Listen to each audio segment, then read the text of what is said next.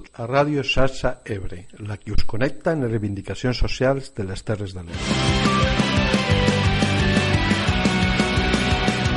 Aquí estem de nou per tractar tot el que ens preocupa en la gent que se n'ocupa.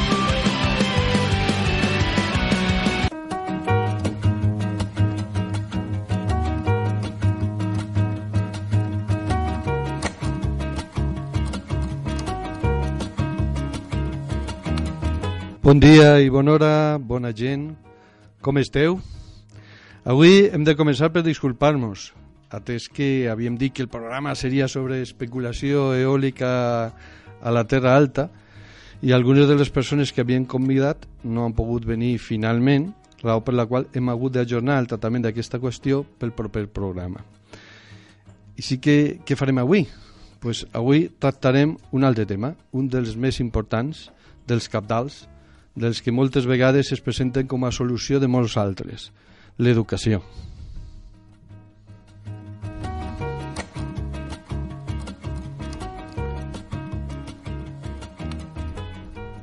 Però abans us volem dir que ens fa contents tenir una aportació sobre el programa anterior, que sempre us la demanem.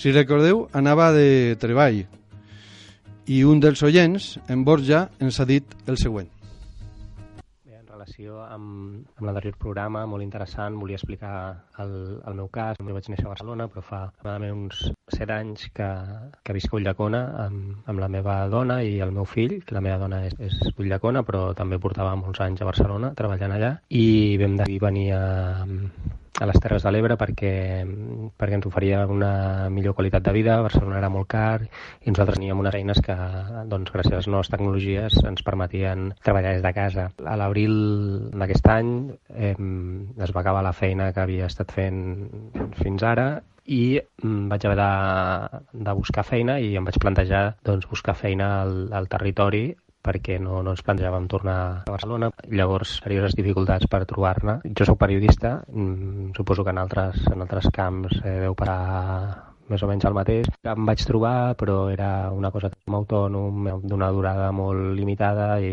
i estava un, una feina doncs, de jornada completa eh, i amb unes condicions una mica més, eh, digués, eh, per algú que de, de 40 anys ja amb una família, no? Bé, al final treballar des de casa, des de, des a internet i pujar un cop a la setmana a Barcelona per reunions i coses d'aquestes, doncs ara la conciliació familiar és més complicada, he de dormir força nits a Barcelona entre setmana, tot i que algun dia sí que, sí que puc muntar-m'ho per treballar des de casa i llavors doncs eh, puc veure més el meu fill i, i ho anem mirant una mica així. Volia destacar la, la, aquesta dificultat, no? aquesta dificultat d'algú que, doncs, que pren la decisió de, de venir a un poble a les Terres de l'Ebre però que a la vegada doncs, eh, té dificultat per establir el territori. En realitat eh, jo visc a Ullacona però, però treballo a Barcelona. Poso que no sé si, si hi ha més casos així però, però vaja, eh, com a mínim és el que, el que jo m'he trobat. Gràcies, Borja. Interessant aquesta experiència ens posa també molt de relleu les dificultats d'això que se'n diu teletreball. Per cert, en relació al coworking, al que feia esment Laia Beltran, el programa anterior, sabem que actualment hi ha espais d'aquest tipus a Mora d'Ebre, a Flix, a Ribarroja d'Ebre, això eh, a la Ribera, i a Gandesa i a Prat de Conte a la Terra Alta. També sabem que s'està posant en marxa una mena de targeta que permetrà als usuaris d'aquests centres de teletreball utilitzar qualsevol de Catalunya de la xarxa CoWoCat de Coworking Catalunya, no? que els pugui convenir en un moment donat en els seus desplaçaments. No? Així tenen internet de ràpida velocitat, etc. Altres condicions. No? no sé si això podrà ajudar a gent com Borja o Laia, però de moment sembla que al Baix Ebre i al Montsià no ens hem posat les piles com en aquest tema. I ara, com solem fer, actualitzarem un dels temes tractats en programes anteriors, tenint en compte el que està passant en l'espoli de les oliveres, ens hem tornat a ficar en contacte amb Salvem lo Montsià perquè ens posen al dia. I això és que és el que ens han dit Manel Mas i Ferran Puig. Com que a València hi ha, hi ha una llei de protecció, Aquí el que han fet és promoure-la doncs, perquè, perquè per almenys estan en les mateixes condicions, perquè si no els vivers i tot això doncs, venien aquí, al nostre territori, a endur-se-les perquè a baix no poden. Eh, però llavors què passa? En, a partir del moment que s'han enterat de que, de que estem tramitant una llei, veuen que se'ls acaba el negoci i el que han fet és accelerar-ho. No? Eh, nosaltres això d'alguna manera ja ho havíem previst, però pensàvem que, clar, la cosa no era no renunciar a la llei, Eh, però llavors pensàvem que podríem aconseguir que ens fessin una moratòria, un decret del govern o el que sigui. Però doncs no hi ha manera. No hi ha manera. Eh, portem molt de temps en això, cada dia veiem camions sortint, ens fan mal físic fins i tot i espiritual de veure com s'estan enduent el que en fi, lo, lo patrimoni natural que més estimem i, i la moratòria no arriba hi ha hagut promeses de que serà, però després resulta que no hi ha competències, bueno, que no hi ha manera, se van passant d'un departament a l'altre i, i tenim, tenim, i ara estem en, en la qüestió de, de la llei només i esperem pues, que, que, que l'aproven l'antes possible. És que, si poden, aquí se mos enduran l'aigua de l'Ebre, se mos estan enduent les oliveres, és que si poguessin se mos endurien hasta l'aire. I mentrestant el Parlament no fan res. O sigui, per un projecte de llei de protecció arbòria que el País Valencià lo tenen des del 2006 porten 13 anys de retard 13 anys de retard, s'haurien hagut de posar les piles. És que no els hi demanem més que es posin les piles i que, i que ho faiguen ja. Ja vam editar un llibre, un conte arreglades al Sant Jordi de l'any passat. Eh, dintre de no res sortirà un quadern de, un quadern de treball per a les escoles d'este conte i de cara a Sant Jordi de l'any que ve ja volem editar un altre llibre de recull d'escrits, poemes, fotografies, dibuixos, que es dirà Les veus de les oliveres i són escrits de gent del territori en contra de l'espoli de les oliveres i a favor de que aquestes puguin viure.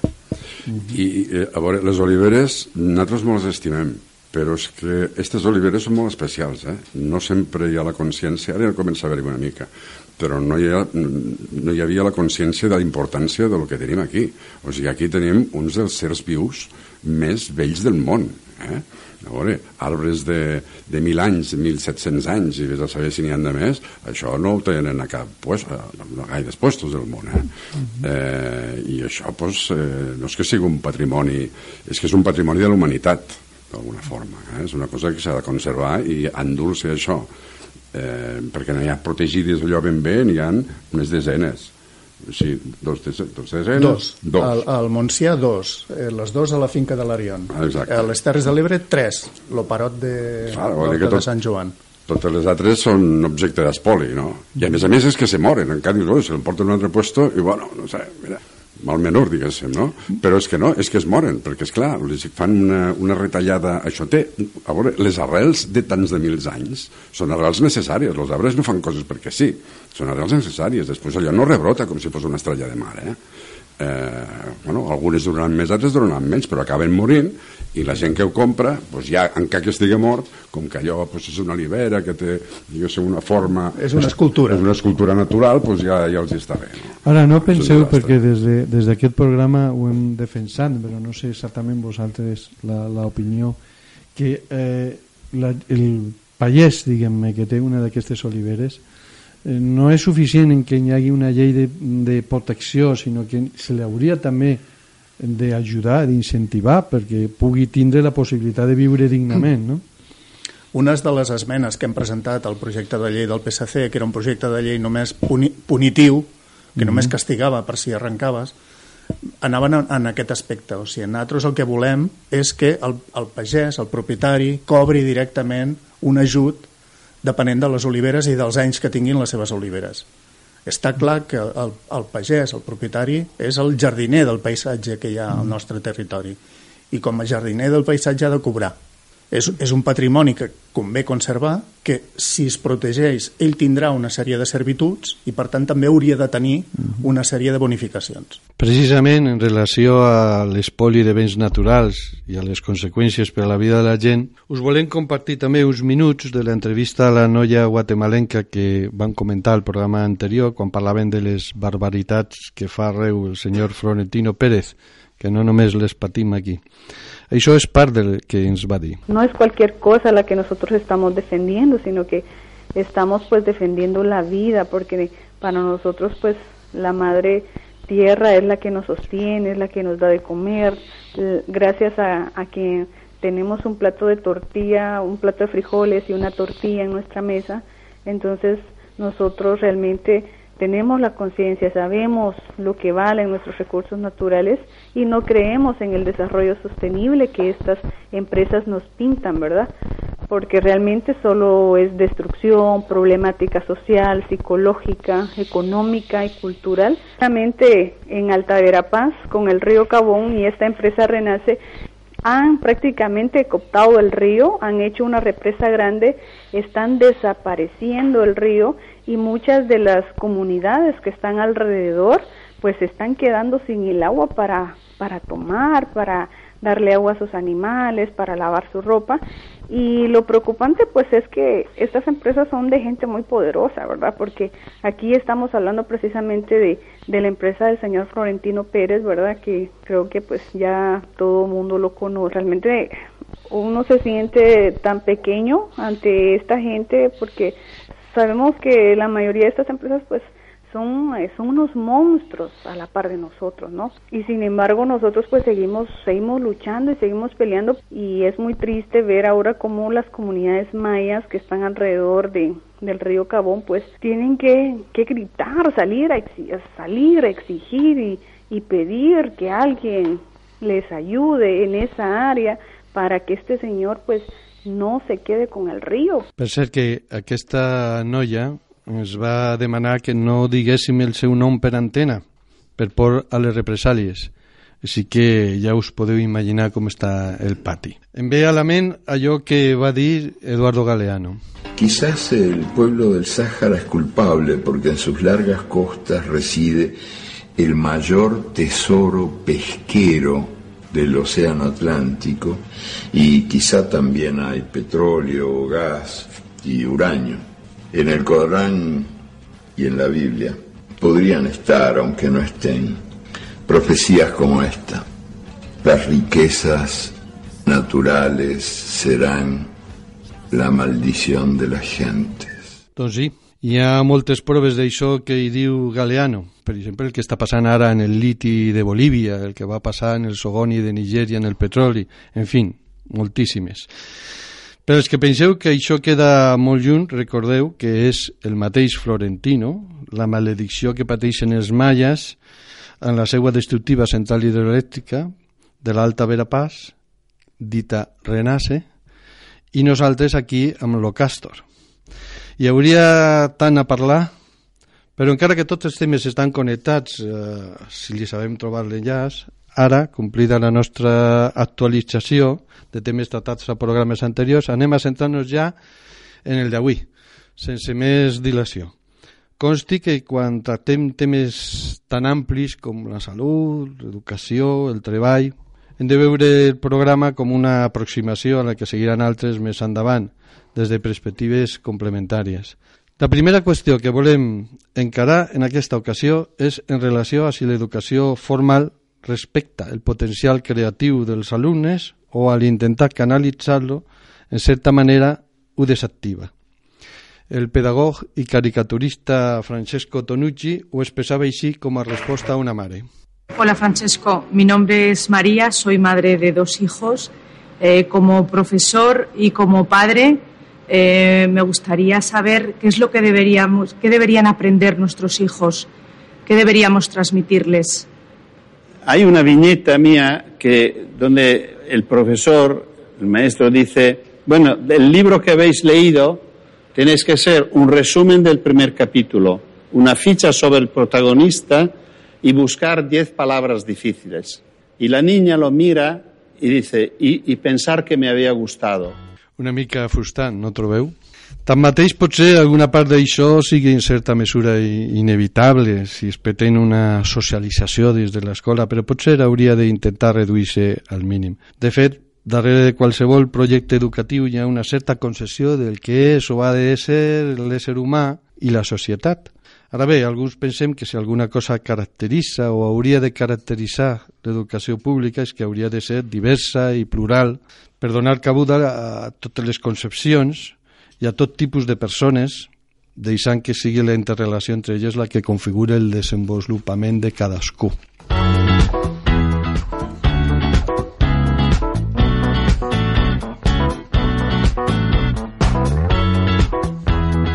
Ara bé, és clar que hi ha qui pensa que protegir el model d'ésser humà i de societat que vol transmetre als seus fills i filles, i fins i tot el seu benestar futur, lligat en molts casos a això que es diu col·locar-los, ha de cercar per obtenir això una escola, diguem-ne, diferent a la pública. És això elitisme? Sigui pretès o no? Bé, serà un dels temes que podem parlar en els nostres convidats d'avui, una mare, una alumna, un mestre de l'escola pública, implicat en una educació més creativa i lliure, un representant del sindicat majoritari dels docents.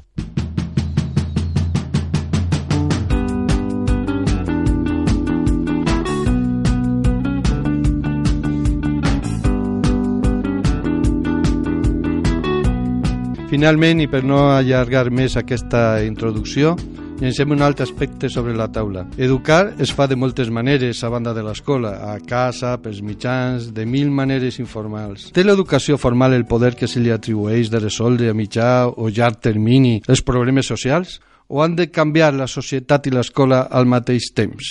Han de canviar els valors socials, deixant, per exemple, d'insistir tant en la competitivitat, buscant contribuir a generar ambients més solidaris, satisfaccions més profundes i àmplies, respecte i consideració equilibrada per a tot tipus de feines i activitats. Ho parlem. Però ara convidem primer al grup Sou i la seva mestra.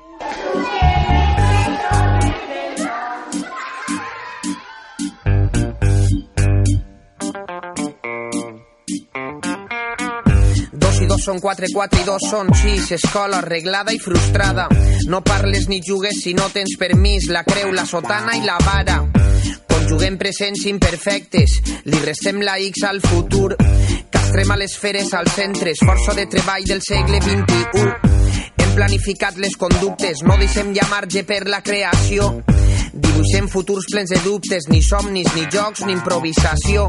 Infàncies al contenidor, 10 hores al dia, un temps que era or. Esclaus d'un estat opressor. Perdona tu pueblo, senyor. Mare, mare, que jo no vull tornar a resar i callar quan ells manen. Pare, pare, jo volia somiar i volar i allà està i les... Després d'escoltar el grup So i la seva mestra, presentem els nostres convidats que tenim a l'estudi.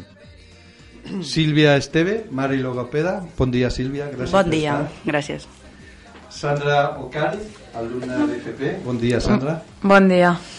Guillem Riba, mestre i pare implicat en alternatives educatives. Bon dia. Hola, Guillem. bon dia.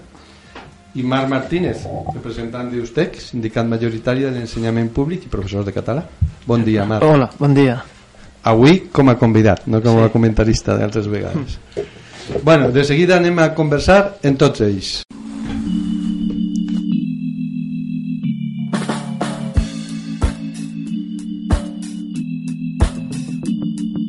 Esteu escoltant Xarxa Ebre, la que parla del que ens preocupa amb la gent que se n'ocupa. Bé,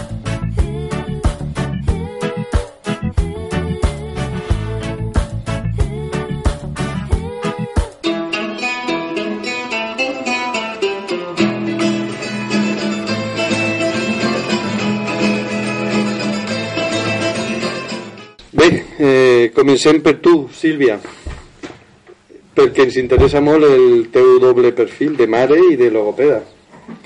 Eh, com a mare, com penses que s'hauria de millorar l'educació? Quines coses caldria canviar, el teu pare? I com a logopeda, quines dificultats has trobat? Creus que la societat en general i el món educatiu en particular valora adequadament la teua feina? Se'n té prou consciència de la importància d'ajudar xiquets i xiquetes que tenen dificultats? Bueno, jo en primer punt, eh, la relació que tinc amb l'escola és a través dels meus fills, vale? que els dos estan cursant a Uidecona primària i, i la meva experiència és que a vegades sí que faria falta una miqueta més de contacte o una mica més de deixar entrar les famílies dins de l'escola. Jo he estat a, a l'AMPA com a representant durant uns quants anys, uns sis anys aproximadament, i, i també estic al, al Consell Escolar. I llavors aquestes mancances sí que les, les veiem com a, com a representant dels pares, que a vegades és com dos espais molt delimitats, no? És a dir, una cosa és l'escola i l'altra és les famílies. I sí que crec que potser aquest apropament de les famílies dins de les aules o dins dels projectes, poder participar, eh, sí que seria una miqueta més necessari. Molt bé, gràcies Sílvia. Sandra, a tu volíem preguntar-te primer de manera general, eh, ja que has passat per primària, per secundària, o sigui, per l'ESO, i ara estàs completant el cicle mitjà de formació professional, diguem-me, què, què canviaries tu en general de l'educació? És una pregunta genèrica, però... I per què penses que no es valora suficientment la importància de la formació professional? Creus que potenciar aquesta serviria per millorar les possibilitats de treball i al territori, com va ser el cas que Lluís Garcia ens va explicar en el programa anterior, que ens va dir allò de que ell s'havia preparat com a enginyer i després va vindre aquí al territori i va fer una FP, una FP superior per a poder trobar feina. Com ho veus tot això? Jo trobo que la FP és tan important com anar a la universitat perquè a veure, a la universitat t'ensenyaran coses més especialitzades però sempre a la FP hi ha treballs que no s'estudien a la universitat. És a dir, eh, per exemple, tindríem el de, el de informàtica que estic cursant jo, són per arreglar ordinadors, per a poder arreglar mòbils i coses d'estes. I a una universitat no t'ensenyen a arreglar un ordinador, t'ensenyaran a programar i tot el que tu vulguis, però no t'ensenyaran a canviar les peces a un ordinador o a un mòbil, el que sigui. -huh. Jo trobo que una FP és igual d'important que la universitat. És més pràctica. Sí. Uh -huh. I trobo que la pràctica és molt més important que els coneixements que pugues saber, perquè realment el que tu faràs és pràctic, no és meu sé i ho faig. Uh -huh de memòria. Però aquí està molt mitificada la universitat i en canvi la, la formació professional està una mica... Claro, jo trobo que la FP com a que la gent pensa que és per a vagos, o per a vagos o per a gent que no, no estudia que és tonta, és el que se sol dir, no una FP per a tontos. És el primer, i no ho trobo així, no trobo que la gent que va a la universitat és igual que la gent que va a FP, són igual d'intel·ligents, però de canten cap un costat tocava l'altre. Uh -huh. I com a alumne en general, tu, ja te dic, has passat per primària, per l'ESO i tal, en general tu, del sistema educatiu, què canviaries? Jo canviaria que els més, hi hagueren menys xiquets a classe i així els mestres es pogueren centrar més en els alumnes que hi ha perquè sí que és veritat que manca un poquet en això. Perquè ara, per exemple, una persona que no ho entén eh, li té que explicar a un altre company perquè la mestra no té temps a poder-li explicar a ell individualment. I trobo que hi hauria que haver menys gent per a poder explicar-ho millor a persones que li costa. Molt bé, gràcies, Sandra. Guillem, tu ets pare, ets eh, mestre de l'escola pública, persona, com dèiem, implicada en la búsqueda d'alternatives educacionals més creatives i lliures, que no siguin, diguem elitistes, com dèiem al principi, no? Et volíem preguntar si veus, perdona'm la metàfora, no? que l'escola pública pugui aparèixer davant de la gent pintada de colors variats i no del gris uniformador que de vegades se li atribueix. És a dir, que és què es podria fer per millorar la qualitat i l'apreciació que en té alguna gent envers l'escola pública? Hauria d'haver una formació i una selecció del professorat més adient en el tipus d'educació més desitjable? Mm, dona a la societat en general la importància que té el que es fa a les escoles? Bueno, jo crec que són molts factors que, que influeixen en, en, en què és l'escola, què es fa a l'escola, com és percebuda la societat, no? I, i evidentment doncs, per transformar l'escola cal transformar tots aquests factors i com dies abans també és molt important que l'escola es transformi a la vegada que estem transformant la societat perquè si no, perquè ha d'anar sempre, vull dir, és algo que creix eh, que han de créixer i s'han de transformar de forma conjunta perquè si no deixaran de tindre sentit Llavors jo crec que ara potser estem vivint un moment interessant a nivell educatiu perquè hi ha, hi ha, hi ha voluntat de transformació, hi ha moltes escoles que estan fent escoles diferents i hi ha moltes famílies que volen que els seus fills vagin a escoles on se tenen unes, un, que se té una mirada cap a la infantesa i cap a l'educació més respectuosa, més, més activa, més, més compromesa també, i això és important però també hem d'anar en compte de no caure en, en simplement que els canvis que es facin siguin només un canvi, eh, un canvi de manera de fer eh, perquè està de moda, no? perquè, perquè ho fan tots, perquè és guai, perquè és el que se demana.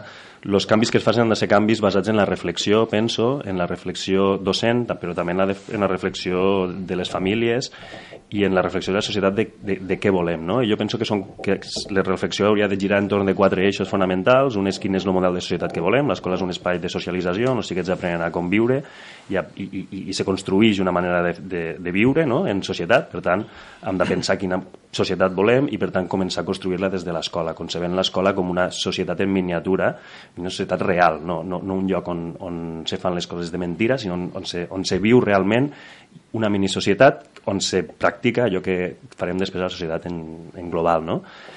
També cal reflexionar sobre com motivar els nostres alumnes, hi ha molta desmotivació cap a l'aprenentatge i, i, i poc a poc, a través dels anys d'escolarització, molts de xiquets perden l'interès per aprendre i l'interès per, per pues això, s'estudia simplement per obtenir un títol, no? És la, la titulitis esta, no?, de que estudiar serveix per tenir un títol i per trobar una faena en, en el futur, que després no trobes la faena encara que tinguis el títol moltes vegades, no? Per tant, fomentar la motivació intrínseca cap a l'aprenentatge en els xiquets, això és, cal reflexionar sobre com aconseguir-ho, i això cal fer-ho també perquè l'escola ha de complir una funció social molt important, que és la, la de la funció igual, igualadora. No? A l'escola, eh, com diem, se, se donen títols. Estos títols el que fan després és, és determinar l'accés que tindràs a determinats llocs de treball, per tant, el poder adquisitiu que tindràs o, o les possibilitats de, de, de fer determinades coses i moltes vegades l'escola el que fa és reproduir les desigualtats que venen des de casa. Hi ha, hi ha unes desigualtats culturals i socioeconòmiques de base que arriben a l'escola i que si l'escola no reflexiona molt bé com poder anivellar totes aquestes desigualtats socioculturals i econòmiques, l'únic que fem és reproduir-les i legitimar-les perquè els xiquets que se'n surten són aquells que venen de famílies generalment que, que, bueno, pues que tenen un nivell socioeconòmic més elevat. No? Llavors, no només s'estan reproduint, sinó que s'estan legitimant perquè ara ja no són xiquets que venen de famílies de, sinó que són xiquets que no s'han esforçat prou i per tant eh, doncs és normal que no, tinguen, que no arriben a determinats llocs de treball. No? Per tant, l'escola ha d'anivellar això, té que tenir aquesta funció d'aconseguir l'equitat. I finalment cal reflexionar, com dia Sílvia també, com podem ficar l'escola al servei de la comunitat, no al servei de l'Estat i al servei de les institucions, sinó al servei de la comunitat, que són realment la gent que viu a l'escola, de les famílies, dels xiquets, i cal reflexionar com podem incloure les famílies i com podem incloure també els xiquets en pensar quin model d'escola volem. No són només els mestres qui ho han de pensar, sinó que els mestres ho han de pensar, evidentment, com a promotors de, de l'escola no? I, com a, i com a motor de l'escola, però cal que es faci en, en, en, en la col·laboració de les famílies i també pensant què és el que volen les famílies i els xiquets. Moltes gràcies, Guillem.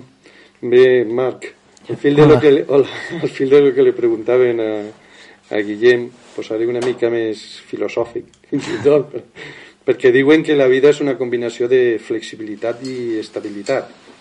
I hi ha qui diu que potser hem passat en la nostra societat de cuidar de l'estabilitat, fer un culte a la, a la seguretat, i que en els temps incerts que venen, que cada vegada sembla que ho seran més, en certa manera, caldria flexibilitzar més per no matar la creativitat.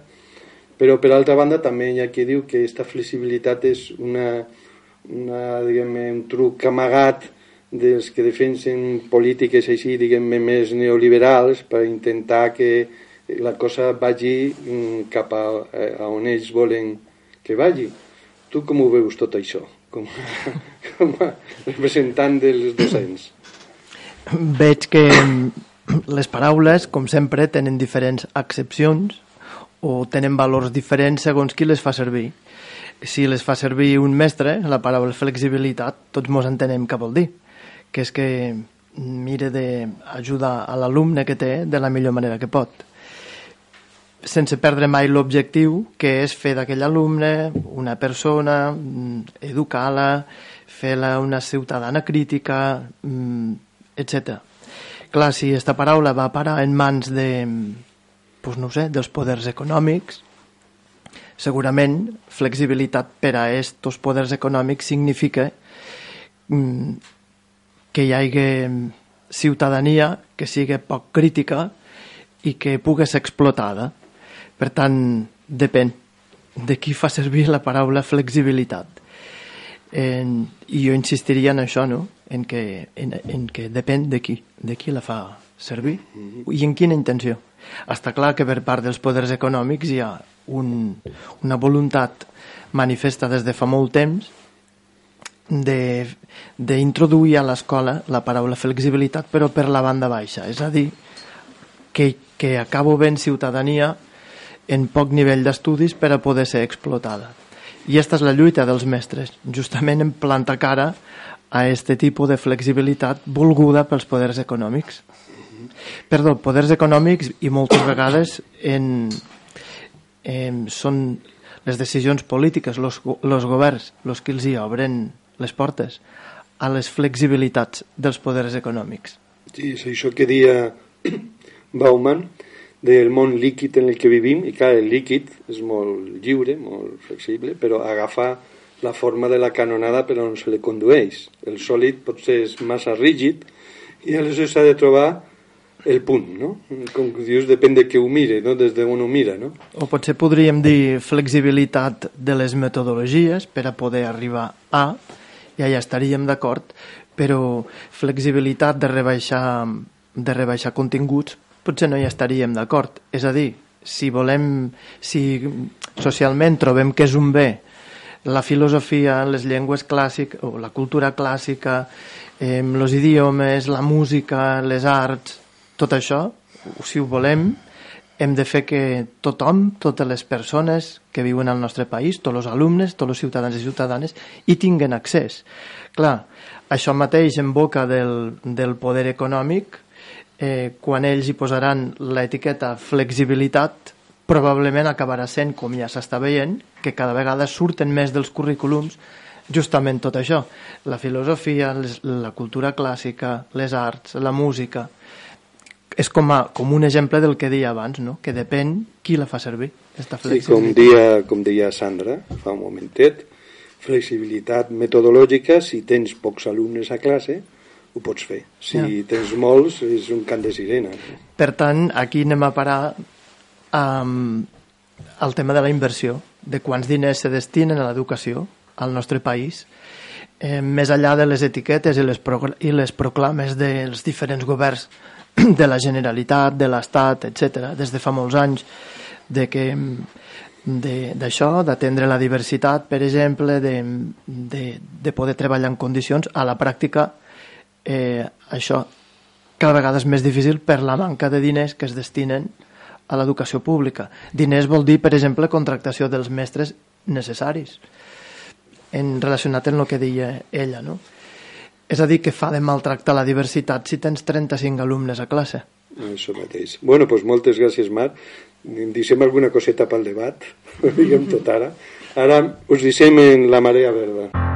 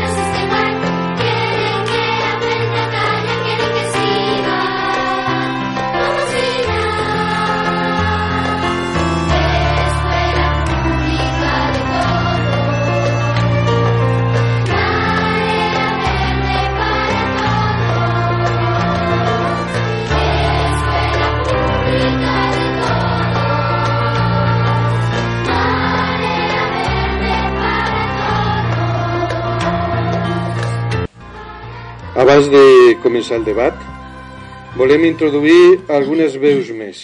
Laura Ruiz i Aleix Moseguí van ser dos alumnes que el 2012, en plena època de retallades, quan cursaven segon de batxillerat, van participar en un vídeo de la Plataforma en Defensa de l'Educació Pública de les Terres de l'Ebre, conjuntament amb gent com Manolo Tomàs i Pepet i Marieta, Per cert, qui tingui curiositat ho podeu trobar per l'educació pública, tot junt, per l'educació pública.blogspot.com.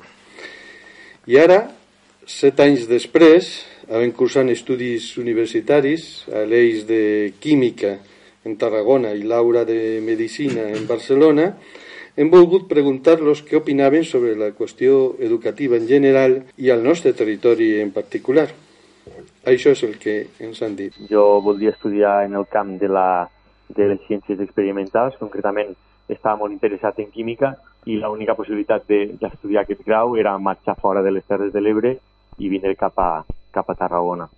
Que perquè tothom pugui accedir a aquesta universitat que té un preu molt elevat i, i, és, i és més que, que noticiable que el preu d'un curs acadèmic a la universitat és de més de 2.000 euros i per sort vaig poder rebre una part de les beques que, que oferia el, el Ministeri d'Educació i, i de fet va ser el motiu o va ser la, l'ajut que vaig poder tenir per poder realitzar els meus estudis a, a la universitat, perquè en cas contrari m'hagués suposat realment un esforç econòmic eh, tal que possiblement no hagués pogut assumir.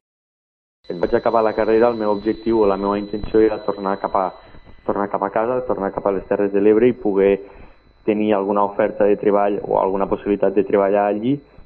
Tres anys després, quasi bé d'haver acabat la carrera, continuo treballant aquí al Camp de Tarragona. El fet de que la ciutat educativa sigui més gran en un territori també fa, o sigui, també pot ajudar a generar eh, més activitat econòmica i que al final cap acabi reportant en que hi hagi major oportunitats.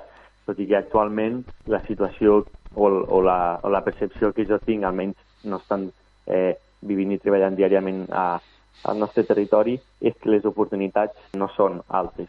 Eh, al fi i al cap, l'oferta educativa d'un territori hauria d'anar una mica acorde en, en les oportunitats de feina potencials en aquell territori.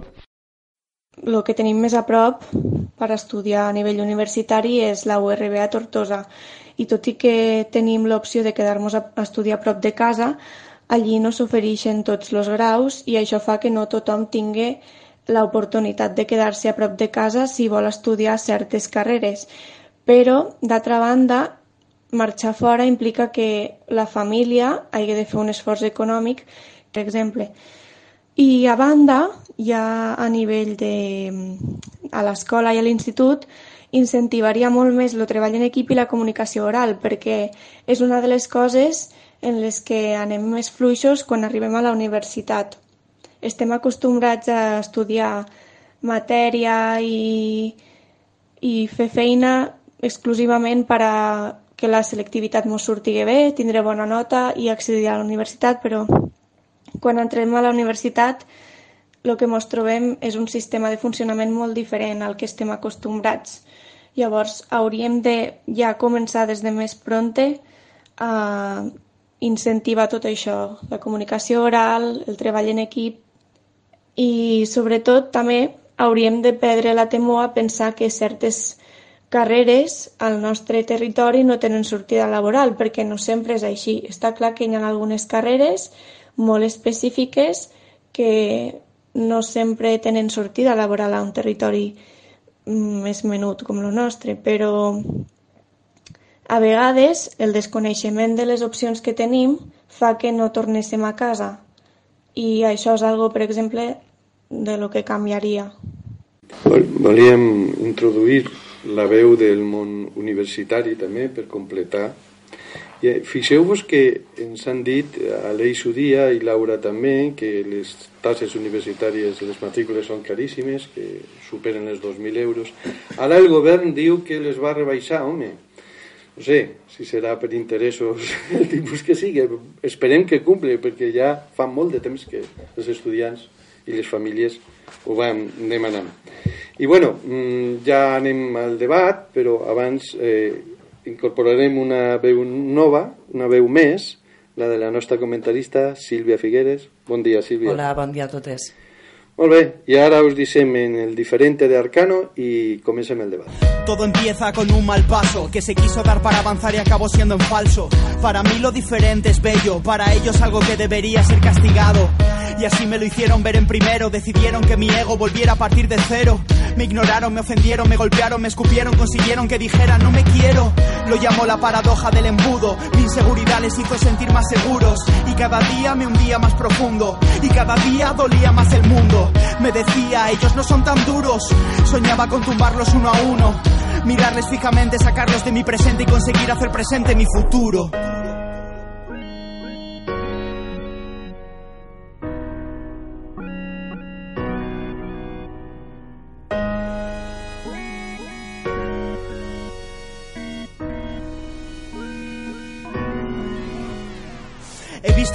Crisis en colegios y solo hay un rey, la ley del silencio. Dicen que son bromas, no toman en serio el ver a un humano que deja escapar su vida. La ecuación es fácil, no le busques el misterio. Si no vemos el problema, jamás tendremos remedio. Presiones porque cambien las versiones de los hechos, depresiones, mal humor y sesiones de comer techo.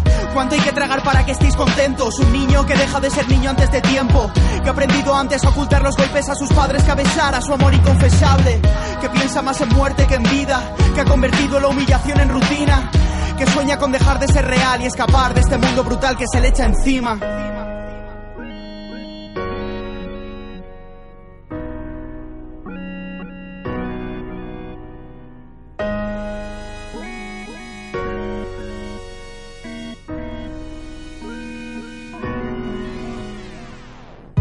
Cosa de todos ser responsables. Amigo, no hace falta que me hables. Con la mirada me pides que te salve. Antes de que sea demasiado tarde. Y yo voy a dar un paso al frente por ti. Nadie en el mundo se merece sufrir. A los que miran sin hacer no les excuso. Pues no ir contra el abuso es ser parte del abuso. Dime de qué bando estás. Y deja de mentirte a cambio de comodidad. Sé honesto contigo y persigue la verdad. Si careces de principios te perderás el final. Si no, ¿cómo alcanzar el cielo? Nunca nadie pudo volar sin un compañero. No te dejes confundir, para mí lo diferente es bello y para ti... Bueno, per començar el debat eh, m'agradaria posar sobre la taula un tema així com se diu per obrir focs, per tancar el gel. I a partir de lo que acaba de dir Laura no? perquè per una banda tenim els que diuen que el més important en educació és proposar als alumnes referents positius. A vegades aquests referents positius poden venir del, del món de l'esport, del món de la ciència, que sigui, no? Però també a escala més, més local, més propera, els millorets de la classe, els que treuen bones notes, heu d'imitar això, tal qual, no? Però hi ha este altre plantejament que, que deia Laura, que li falta, que ja ha trobat a faltar quan ha arribat a la universitat, que és potenciar el treball en equip, no? És a dir, mirar les coses més en conjunt, això que es diu la intel·ligència emocional, saber treballar en conjunt, perquè hi ha gent que pot treure molt bones notes perquè és incapaç de treballar amb els seus companys i companyes, no? Aleshores, de vegades, el propi sistema d'avaluació, que és molt individualitzat, no afavoreix que es faci el treball en equip. Bueno, ho deixo sobre la taula i vol parlar, Guillem? Tu? Sí, jo crec que el lo, lo tema d'aquest de, de model més individualista o model més, més, més de treball en equip, més cooperatiu, etc també està vinculat en el model de... No, no només en el model d'avaluació, que també, sinó en el model, com dia, de societat que, dins la qual estem, no? una societat individualista on el que se prima és l'esforç personal i, i els resultats personals i, i bueno, ets tu contra tots els altres, no? este, model, este model més competitiu, llavors mm, cal pegar-li la volta no? i buscar aquestes estes formes d'aprendre col·lectives que facin trencar este, esta competició tan present a l'escola i tan present a la societat i després a, a, al món laboral també, i, i jo crec que és molt important. I després, bueno, a poc a poc també a nivell laboral pues és el que es demana, no? també més, mm, que hi hagi més possibilitat no? de, de, de treballar en equips i de, i de col·laborar uns en els altres, no? I penso que, que és important això. També relacionat amb el tema que dies abans del... Bueno, que ha dit la... No, ho has dit tu, perdona. Lo d'estos referents positius, també moltes vegades lo, millor, lo que és el millor de la classe no vol dir que sigui el que més s'esforça, perquè, com diem, l'educació moltes vegades el que fa és afavorir uns determinats col·lectius i perjudicar, i perjudicar uns altres, no? I llavors, mmm, el referent positiu no té per què ser el que trau més bones notes, sinó que pot ser, pot ser un xiquet que pot ser no trau tan bones notes però que s'esforça, que s'involucra, que respecta els seus companys, que té uns valors que potser els altres no tenen, no? Per tant, és important buscar models positius dins dels espais escolars, però que no sigui el que treu més bones notes. Pot ser en un moment determinat, però no és l'únic model positiu que l'escola ha de fomentar. Eh, Sílvia tenia una pregunta per la seva tocalla? Sí, un... sí exacte. Eh, M'agradaria el que ha dit Sílvia de que les escoles s'han d'obrir a les famílies, però estan les famílies disposades a aquesta obertura o hi han famílies, pares i mares, que els hi molesta? És a dir, jo estic segura que hi ha moltes famílies que els xiquets los aparquen a l'escola i se'n van a treballar.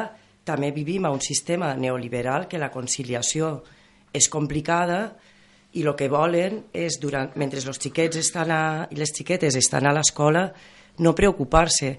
Com, ho, com se pot obrir si jo crec que hi ha gent que no està disposada a implicar-se més en, en l'educació escolar perquè ja creuen que per això està el personal docent.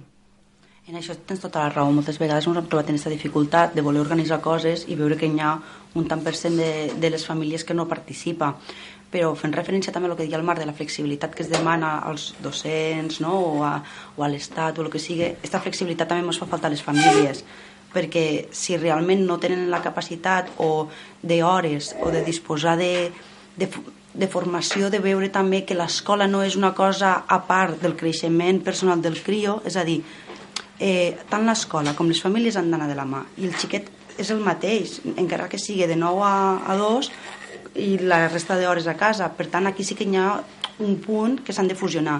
Però també és veritat que aquestes famílies a vegades ho veuen diferent, ho veuen com de dir, bueno, l'escola ja està per ensenyar, però no és real esta, esta afirmació hem de buscar un punt de sinergia entre els dos llocs per a que realment puguen estar fusionats i aquesta flexibilitat fa falta molt a nivell laboral, a nivell de que jo puc demanar a la meva feina de mira, és que fan un projecte a escola i necessito unes hores per anar a l'escola de Montsuís a poder fer això.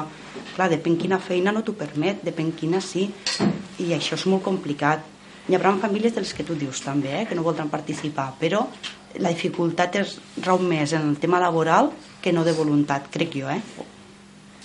Marc? Bé, al meu parer, crec que hi ha un decalatge entre el que descriu Guillem, que és la realitat de les escoles, dels mestres, dels alumnes, el treball que es fa allí, les ganes que hi ha de, de reflexionar sobre la pràctica, d'atendre bé l'alumnat, això d'una banda, i hi ha un decalatge respecte al tractament que, les, que els governs de fa molt temps dispensen cap a l'escola. No? Per exemple, Guillem dia necessitem hores de coordinació, de reflexió, de, de, tu has dit, crec, reflexió sobre la pràctica. Reflexió vol dir temps, necessites temps. I recordo que encara no està resolt el tema de, de, dins de l'horari laboral tindre hores justament per ref, de reflexió als mestres. No fa tant temps que els hi van endossar dues hores més lectives, és a dir, de fer classe, van fer fora un bon grapat de mestres augmentant les hores als que ja hi havia. Si te les augmenten de docència directa, les perds de reflexió. I tornem a lo mateix, a inversió, a diners, a contractar personal. Quan els mestres demanem, mestres o professors, és igual, eh, hores, volem menys hores lectives, no estem dient volem treballar menys, estem dient volem treballar en millors condicions. És a dir, una part del nostre horari ha d'estar dedicada a la reflexió, a la coordinació de l'equip. La nostra faena, si no és en coordinació i en, re, en la resta de le, del, dels companys i companyes i en reflexió, no es pot fer bé. Per tant, tornem a això, calen diners per a dedicar a l'educació, d'aquí lo de calaix. El que la gent vol, la comunitat educativa demana, xoca en el que els governs fan, que és retallar. Jo voldria fer des de la part sindical esta aportació claríssima, és una demanda que, que els claustres volen això, treballar en condicions i les retallades econòmiques no ho permeten. Bueno, per introduir la veu de l'alumne, Sandra, perquè tu dies una cosa sobre la pràctica, ¿verdad? Quan parlaves de la formació professional. I mm, ja a l'ESO, per exemple, veiem que hi ha molts alumnes que se, se saturen de teoria, d'alguna manera, perquè tenen una vessant més pràctica i, de, i pot ser que també la manera de fer les classes les hauríem de fer més dinàmiques i més pensant també en estos alumnes, no? Sí, perquè jo trobo que no... A veure, hi ha gent que té certes maneres d'estudiar i hi ha gent pues, que se li queda mentre la mestra, la mestra explica, vull dir, no són els mateixos mètodes d'estudi. Per tant, jo crec que tindrien que dedicar, pues, lo millor són 5 hores a la setmana, pues, 3 de lectives i 3 de pràctiques. I així anar poder ai, perdó, dos de pràctiques, així a poder donar-los una oportunitat a les persones que no se les dona millor també estudiar perquè no han trobat el mètode i coses d'estes. També el, el model este positiu que has dit de que eh, mos fixéssim en un de la classe que sigui millor o superior i coses d'estes, no, mos, o sigui, no li fa gràcia a tot el món perquè, clar, li estan victorejant a un que és millor que tu, llavors te deprimís bastant i dius, pues ja no estudio. -huh. que això ho he vist molt en amics meus i coses d'estes trobo que també donar-li com per així dir-ho les donar-li floretes al que trau bones notes pues tampoc, simplement ajudar al que ho necessita uh -huh. Guillem, tu volies dir?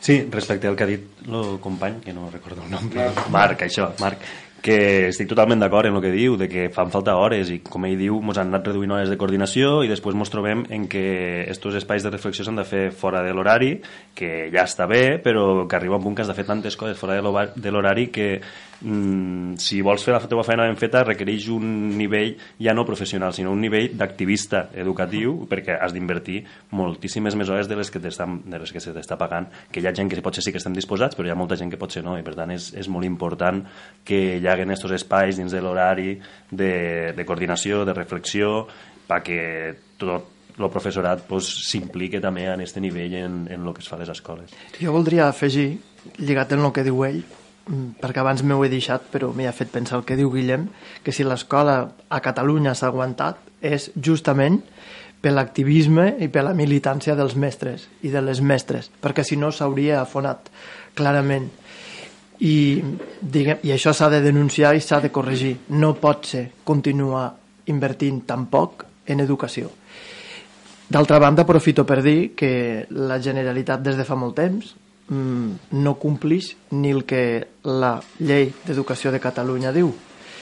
La llei d'educació la fan servir per a el que volen, però no per a complir el que marca d'inversió. Marca que s'ha d'invertir un 6% del producte interior brut en educació i fa anys i anys i anys que està entre el 2 i el 3, és a dir, entre el 2 i el 3%, és a dir, a la meitat del que la llei diu. I això s'ha de denunciar i s'ha de demanar que es corregís, que no pot ser. I d'aquí l'activisme. Ja està bé que tinguéssim una part d'activisme perquè la nostra faena és molt, és molt vocacional, és molt artesanal, però no és just ni, ni és correcte. Hi ha d'haver els diners necessaris.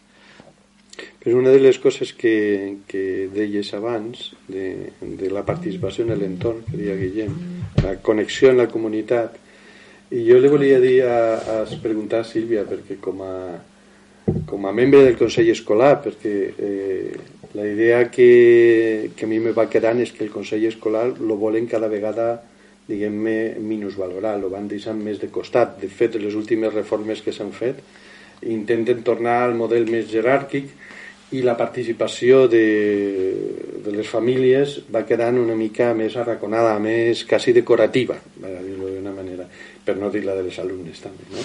És a dir, si parlem d'imbricar-se en la comunitat i resulta que l'element que en principi tindríem per afavorir això se li està llevant la importància, malament anem. No sé tu que, que és membre del Consell, com ho veus? Mira, justament este mes vam fer Consell i, i una mica va sortir este tema, no? el, el tema de les famílies i la representació. Cada vegada costa més que hi hagi famílies que es puguen presentar per eleccions al, al Consell i, i justament eh, les que surten moltes vegades renovem una altra vegada posicions. I, i a vegades per diferents circumstàncies hi ha alumnes que marxen del centre per tant les famílies ja no estan representades al Consell i ens quedem en molta minoria. I aquest tema el vaig traure de dir bueno, és que aquí tenim en aquesta taula molts representants com a mestres però com a famílies érem dos persones. Clar, qualsevol vot que féssim en qualsevol elecció per en aquell centre no és just perquè estem en minoria Llavors sí que aquesta reflexió la vam fer, però aprofito ara el micro per fer aquesta reflexió a les famílies que ens puguen escoltar, que és molt important la participació, perquè podem decidir coses, tot i que a vegades ja queda molt tot decidit i al final és un vot una mica com, va, votem perquè ja està fet, i n'hi ha poc debat, però, però és necessari la nostra representació allí, que siguéssim visibles, perquè nosaltres podem opinar de lo que volem per als nostres fills i com ve. I sobretot fent una miqueta de referència a lo que parlava el Marc d'aquesta falta de recursos i aquesta falta d'inversió, jo que hi veig els grans perjudicats són els nens amb necessitats especials. Eh, estem apostant per una escola inclusiva que realment no és real. Per a mi és un punt de, de toc de maquillatge, val? de dir, anem a fer una escola inclusiva, no els anem a ficar a banda i, i els donarem els mateixos recursos una mica més, però com aquesta part econòmica no arriba, aquests professorats no tenen prou hores per dedicar ja a l'alumnat eh, normal, diguéssim, que no m'agrada utilitzar la paraula, imagina per a aquests nens que els costa una mica més, no? El fet de poder treure un model que sigui bo dins de la classe pot ser qualsevol alumne, no el de la nota, i crec que això cada vegada ha d'estar més apartat, no? El d'un número que t'etiqueta si ets més bo o més ruïn, perquè hi ha molts mm, trastorns de l'aprenentatge que aquells nenos sí que s'esforcen realment per a poder seguir endavant i aquests podien ser models per a la resta de classe, no? I, i aquí les famílies tenen que estar sempre constantment picant pedra per a fer-los més visibles i per a reclamar més ajudes i per a reclamar-los que al finalment sigui una inclusió de veritat, veràs. I els alumnes, Sandra, penseu, penses que estan ben representats en el... No, realment no, perquè si estigueren més representats buscarien també uns quants drets pels alumnes, ja que no ne tenim tants com tindrien que tindre. I no res més, això ja està. Sílvia? No, només una petita reflexió de eh, igual que parlàvem el mes passat en el tema del treball, crec que aquí hi ha una manca important de voluntat política en, en canviar coses o en ajudar a l'educació pública. Com se pot revertir o es pot transformar lo, en el model d'escola que ens plantejava Guillem, si voluntat política no n'hi ha, és més, cada vegada tendís tot més a la privatització. Com se pot fer? Qui s'anima? Bueno, jo crec que la voluntat política ha d'estar perquè hi ha uns factors mm, econòmics i, i de gestió de la institució a nivell polític que estan, però jo crec que el professorat i les famílies tenim poder més enllà del que facin els polítics i és el que dia, no? Ficar l'escola al servei de la comunitat implica fer molt la nostra i per molt que hi haguen unes proves estandarditzades que, que sigui la vara de medir de la qualitat educativa de les escoles, nosaltres podem, per exemple, eh, ser insumisos en aquestes proves o, o fer-les però donar-li un valor limitat que, que no és el mateix que li dona el departament, no? per exemple, i llavors jo crec que la clau és que tota la comunitat mire cap al mateix, cap al mateix model educatiu, cap, a la mateix, cap, a, cap al mateix tipus d'escola, i construïsquéssim les escoles que nosaltres desitgem més allà de lo que digui la classe política, de lo que diguen les lleis que de fet van canviant d'aquí cap allà cada dos per tres. Tenim que reclamar els drets laborals i tenim que demanar millores en l'educació, però l'escola molt han de fer nostra més enllà de lo que, de lo que siguen les lleis. I com tu no hi ha com a docent, com a activista, trobes resposta al, al teu voltant? Dins del col·lectiu? Sí. Jo crec que sí, que hi ha voluntat de, de transformar l'educació. Ja, i, bueno, i en aquests últims anys hem vist molt, moltes iniciatives tant dins com fora de l'escola pública perquè fora també s'estan fent moltes coses interessants en, en cooperatives familiars que s'ajunten i, i se munten una escola mm, que la paguen ells de la butxaca. I moltes vegades sí que ne surten que tenen un cert perfil així pues, de gent en, en un determinat en, en, pues, en cert poder adquisitiu però a vegades són, famílies, són persones o són bueno, famílies que, que elles simplement prefereixen invertir els pocs diners que tenen en l'educació de seus fills i, i no, no, no totes les famílies que porten els, els seus fills a una escola lliure són, són famílies eh, en diners n'hi ha que, és, pues, que potser en tenen menys que, que d'altres. Però dins de l'escola pública també hi ha una voluntat de transformació i hi, ha, i hi ha moltes escoles i molts de mestres que volen canviar les coses Després falta trobar referents, trobar complicitats dins del claustre, falta trobar xarxes també entre escoles, però bueno, és una que s'està construint i que, i que ja veurem on acabarà.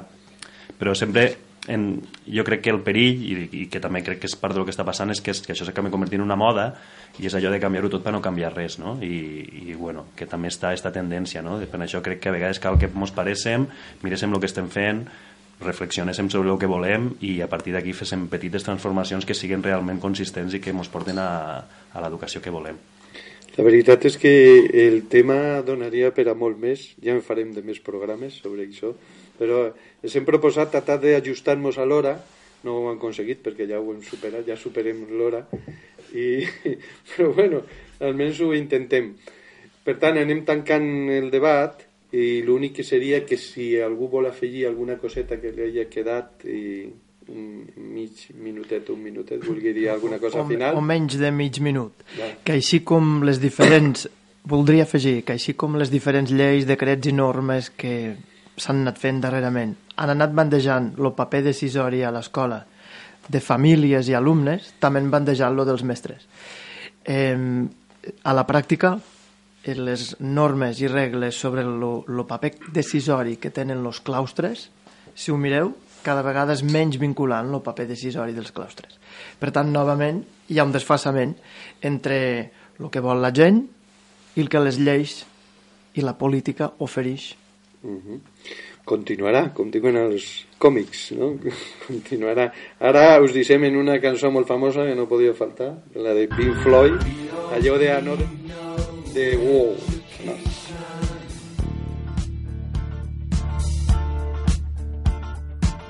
don't need no thought control.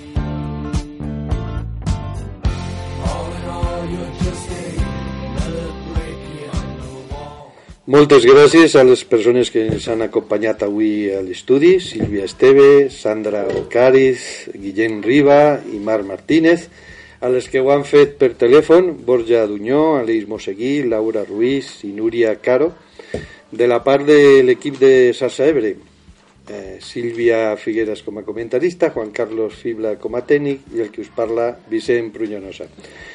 Us recordem que tornarem el 15 de desembre en un programa especial sobre què és el que entenem per democràcia, en quatre convidats que ens ho enfocaran des de diverses perspectives, totes elles arrelades al territori. Fanny Castell, regidora de Fem Poble i Ulldecona, Eva Amposta, alcaldessa de Pinell de Brai, Batiste Forcadell, economista i articulista, i Isa Castell, de l'Espai de Reflexió de la Sènia. No us el perdeu.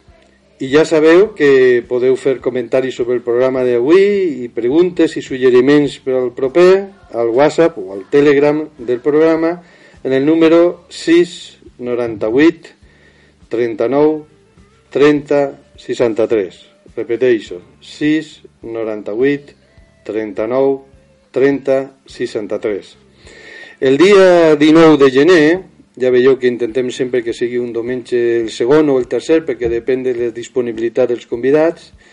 Eh, En principi, el dia 19 de gener, no, Marc? El programa de, de la Terra Alta serà el 19. Vale. El dia 19 de gener respondrem... Pareix que sí. Pareix que sí, no? respondrem a la, repon, reprendrem la sèrie habitual de programes de Sassa Ebre en la jornada sobre especulació eòlica a la Terra Alta, on comptarem amb membres del Casal Popular La Pastora i la plataforma de la Terra Alta.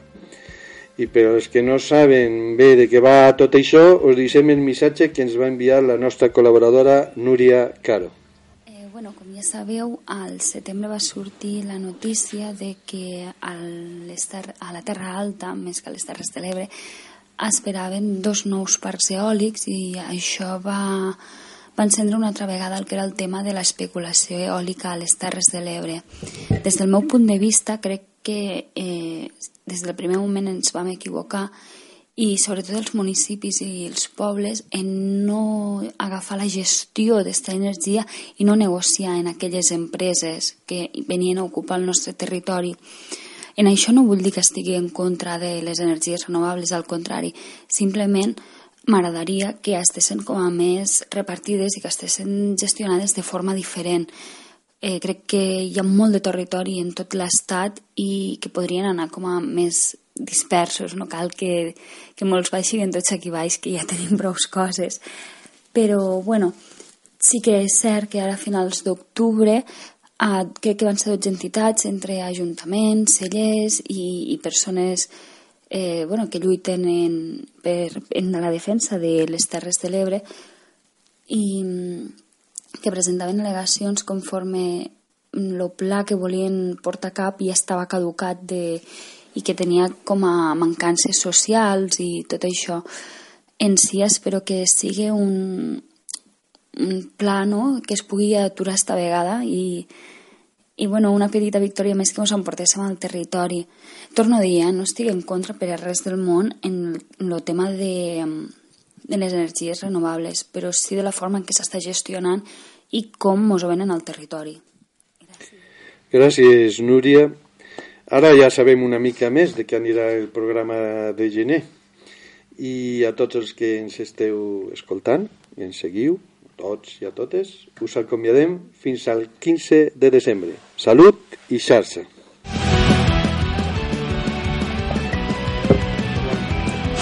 T'esperem a la propera emissió de Xarxa Ebre. Ens trobaràs al WordPress, al Gmail, Facebook, Twitter i a l'iVox. Sempre amb aquesta etiqueta, Xarxa Ebre.